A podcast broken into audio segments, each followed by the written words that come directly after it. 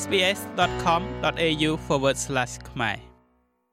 ច្បាប់រដ្ឋធម្មនុញ្ញដែលបង្ខំឲ្យសមាជិកសភាបោះបង់សញ្ជាតិដើមរបស់ពួកគេពីប្រជាជាតិផ្សេងណាមួយនោះបានបង្កើតនៅភាពវឹកវរនៅក្នុងសភាអាណត្តិមុនមុន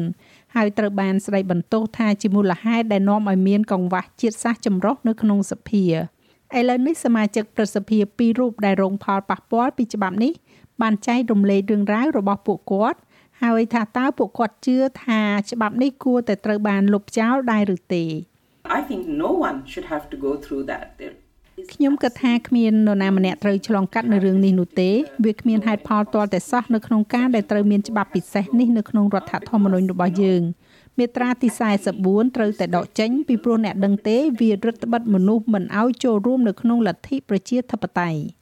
ចាអំបញ្ញមិញនេះគឺជាប្រសាសន៍របស់អនុប្រធានប៉ា Greens លោកស្រី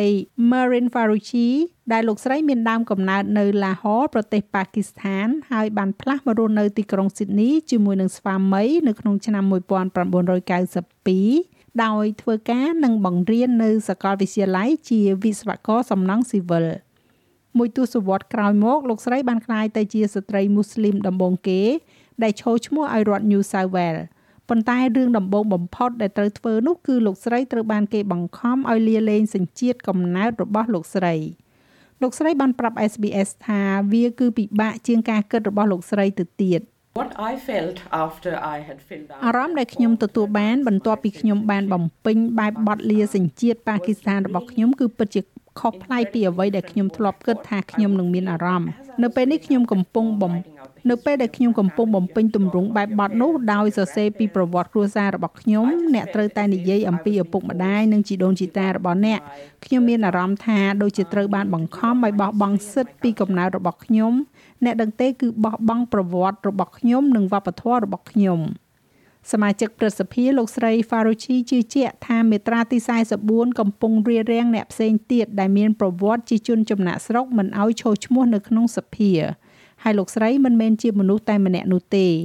អ្នកជំនាញច្បាប់ខាងរដ្ឋធម្មនុញ្ញនៃសាកលវិទ្យាល័យ New South Wales សាស្ត្រាចារ្យ George Williams ពន្យល់ពីប្រវត្តិនៃច្បាប់នេះ។ This clause was drafted in the 1890s and back មាត្រានេះត្រូវបានគេព្រៀងនៅក្នុងទសវត្សរ៍ឆ្នាំ1990ហើយនៅពេលនោះមានមនោសញ្ចេតនាប្រឆាំងនឹងបរទេសជាខ្លាំងពួកគេមានអារម្មណ៍ថាពួកគេមិនចង់ឲ្យមនុស្សដែលជាពលរដ្ឋនៃប្រទេសផ្សេងទៀតមកអង្គុយនៅក្នុងសភាអូស្ត្រាលីនោះទេពួកគេបានលើកឡើងនៅបញ្ហាដែលមនុស្សទាំងនោះអាចលក់អាកំបាំងការពារជាតិរបស់យើងទៅឲ្យប្រទេសផ្សេងទៀតហើយវាត្រូវបានគេគិតថាអ្នកនឹងមានសញ្ជាតិតែមួយប៉ុណ្ណោះក្នុងករណីនោះ ជាពលរដ្ឋអង់គ្លេសដើម្បីមានលក្ខណៈសម្បត្តិគ្រប់គ្រាន់នៅក្នុងការអង្គុយក្នុងសភាអូស្ត្រាលីនៅក្នុងជំរឿនចុងក្រោយការិយាល័យស្ថិតិបានរកឃើញថាជាងពាក់កណ្ដាលនៃប្រជាជនអូស្ត្រាលីកើតនៅបរទេសឬក៏មានឪពុកឬម្ដាយម្នាក់កើតនៅបរទេសដែលបង្ហាញថាមានពលរដ្ឋសញ្ជាតិពីរជាច្រើនរស់នៅក្នុងប្រទេសនេះ។ នៅឆ្នាំ2017សមាជិកសភាប៉ុន្មានរូបត្រូវបានបណ្តេញចេញពីតំណែងហើយអាសនៈរបស់ពួកគេត្រូវបានបង្ខំឲ្យធ្វើការបោះឆ្នោតបន្ទាប់បន្សំឡើងវិញដោយសារតែពួកគេមិនបានលាលែងសញ្ជាតិពីររបស់ពួកគេចោលមួយនៅក្នុងករណីខ្លះពួកគេមិនបានទាំងដឹងខ្លួនថាមានសញ្ជាតិកំណើតផ្សេងទៀតនោះទេហើយសមាជិកសភាថ្មីនៃបក Labor នៅរដ្ឋអូស្ត្រាលីខាងលិចលោកស្រី Fatima Payment ក៏បានរៀបរាប់ពីបទពិសោធន៍របស់លោកស្រីនៅក្នុងការបោះបង់សញ្ជាតិផងដែរ It was devastating. I mean even though I arrived in Australia វាគឺរន្ធត់ណាស់ខ្ញុំមានន័យថាទោះបីជាខ្ញុំបានមកដល់ប្រទេសអូស្ត្រាលីតាំងពីអាយុ8ឆ្នាំក៏ដោយហើយអ្នកដឹងយ៉ាងច្បាស់ថាខ្ញុំបានធំធាត់ឡើងនៅក្នុងបរិយាកាសនេះហើយនេះគឺជាផ្ទះរបស់ខ្ញុំវាគឺហាក់ដូចជាអត្តសញ្ញាណរបស់ខ្ញុំដែលខ្ញុំត្រូវតែបោះបង់ចោលនៅទស្សនវិជ្ជាវប្បធម៌នៃអ្វីដែលខ្ញុំសម្គាល់ថាជាខ្ញុំ។ សមាជិកប្រសិទ្ធភាព Payment បានមកដល់ទីក្រុងផឺតក្នុងនាមជាជនភៀសខ្លួនដែលមានអាយុ8ឆ្នាំមកពីប្រទេសអាហ្វហ្គានីស្ថានពី3ឆ្នាំបន្ទាប់ពីឪពុករបស់លោកស្រីបានមកដល់តាមទូកក្នុងនាមជាជនស្វែងសុំសិទ្ធិជ្រកកោនបច្ចុប្បន្ននេះលោកស្រីមានអាយុ27ឆ្នាំ គឺជាសមាជិកប្រសិទ្ធភាពវ័យក្មេងបំផុតនៅក្នុងសភា និងសមាជិកដែលក្មេងជាងគេបំផុតដែលមិនធ្លាប់មានអ្នកចូលឈ្មោះជាតំណាង។ លោកស្រីក៏ជាស្ត្រីដំបូងគេដែលពាក់កន្សែងរុំហេយ៉ាប់ជាអ្វីដែលលោកស្រីសង្ឃឹមថានឹងមិនតែងតែតេទៀងការចាប់អារម្មណ៍ខ្លាំងទៀតនោះទេ It's firstly trying to normalize the hijab so that ដំបូង people ឡើយគឺ don't ការព្យាយាមធ្វើឲ្យកសែងរុំហ៊ីចាប់មានលក្ខណៈធម្មតាហើយកុំឲ្យមនុស្សម្នាមើលទៅម្ដងជាពីរដងហាក់ដូចជាអូអ្នកជាសមាជិកព្រឹទ្ធសភាវាគ្រាន់តែបង្ហាញថាតើប្រទេសអូស្ត្រាលីបានឈានដល់កម្រិតណាហើយតាក់ទងទៅនឹងភាពចម្រុះជាតិសាសន៍នេះប៉ុន្តែក៏ចង់បង្ហាញនឹងតំណាងសភាដែលឆ្លុះបញ្ចាំងពីសង្គមពិតប្រាកដផងដែរ ទោះបីជាលោកស្រីមានទំនាក់ទំនងជិតស្និទ្ធទៅនឹងវប្បធម៌និងក្រុមគ្រួសាររបស់លោកស្រីក៏ដោយក៏សមាជិកព្រឹទ្ធសភាលោកស្រី Payment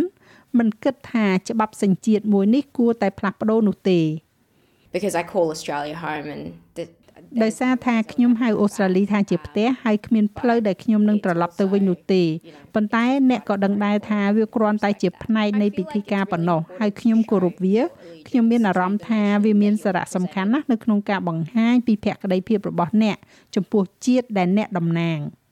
សាស្ត្រាចារ្យ Williams មានប្រសាសន៍ថាមិនមែនគ្រប់ប្រទេសទាំងអស់មានច្បាប់តឹងរឹងដូចជាប្រទេសអូស្ត្រាលីនោះទេ លោកនិយាយថានៅចក្រភពអង់គ្លេសអ្នកមិនចាំបាច់ត្រូវតែជាពលរដ្ឋអង់គ្លេសដើម្បីចូលឈ្មោះក្នុងសភាឡើយ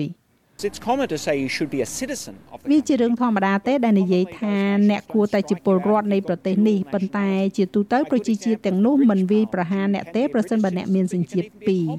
ឧទាហរណ៍ដ៏ល្អមួយគឺសភាអង់គ្លេសអ្នកអាចជាពលរដ្ឋអង់គ្លេសប៉ុន្តែអ្នកក៏អាចជាពលរដ្ឋនៃ Commonwealth នៅក្នុងករណីនោះហើយវាមានលក្ខណៈសេរីច្រើនជាង ដោយសារវាជាច្បាប់នៅក្នុងរដ្ឋធម្មនុញ្ញវាត្រូវការការធ្វើប្រជាមតិដើម្បីដកវាចេញការជជែកដេញដោលដែលកំពុងតែបន្តជុំវិញការទទួលបានការផ្លាស់ប្តូររដ្ឋធម្មនុញ្ញដើម្បីដាក់សម្លេងជនជាតិដើមភាគតិចទៅកាន់សភា គឺជាឧទាហរណ៍នៃភាពស្មុគស្មាញនិងលំបាកនៅក្នុងការសម្រេចបានចាប់តាំងពីការបង្កើតរដ្ឋាភិបាលសហព័ន្ធក្នុងឆ្នាំ1901មក មានតែប្រជាមតិចំនួន8ប៉ុណ្ណោះនៅក្នុងចំណោមប្រជាមតិចំនួន44លើក ដែលដាក់ជូនប្រជាជនហើយអាចសម្រេចបាននោះលោកសាស្ត្រាចារ្យ Williams មានប្រសាសន៍ថាវាអាចចំណាយពេលមួយរយៈសិនមុននឹងមានការលើកទឹកចិត្តដើម្បីចាប់ផ្ដើមយុទ្ធនាការនេះ Uh, the only way to remove this clause is via a referendum. មធ្យោបាយតែមួយគត់ដើម្បីដកមាត្រានេះចេញគឺតាមរយៈប្រជាមតិតាមរយៈប្រជាជនអូស្ត្រាលីហើយនោះគឺត្រូវចំណាយច្រើន ហើយពិបាកណាស់នឹងជាមួយអ្វីដែលរដ្ឋាភិបាលមិនសូវជាចង់ធ្វើនោះខ្ញុំគិតថាឥឡូវនេះមិនមែនជាពេលវេលាត្រឹមត្រូវដើម្បីដំណើរការរឿងនេះនោះទេ សេចក្តីថ្លែងការណ៍របស់អូលូរូពីបេះដូងនិងសម្លេងទៅកាន់សភា គឺត្រឹមត្រូវជាសំណើប្រជាមតិដំបូងដែលយើងនឹងបោះឆ្នោតប៉ុន្តែនេះគួរតែត្រូវបានសម្លឹងមើលសម្រាប់ពេលអនាគតនៅក្នុងពេលនេះវាអាស្រ័យទៅលើបេក្ខជនដែលមានឆន្ទៈនៅក្នុងការលះបង់សញ្ជាតិដើមនោះដើម្បីតំណាងឲ្យសហគមន៍របស់ពួកគេចាស់ហើយរបាយការណ៍នេះចងក្រងឡើងដោយ Krishani Danji សម្រាប់ SBS News និងប្រែសម្រួលសម្រាប់ការផ្សាយរបស់ SBS ខ្មែរដោយនាងខ្ញុំហៃសុផារ៉ានី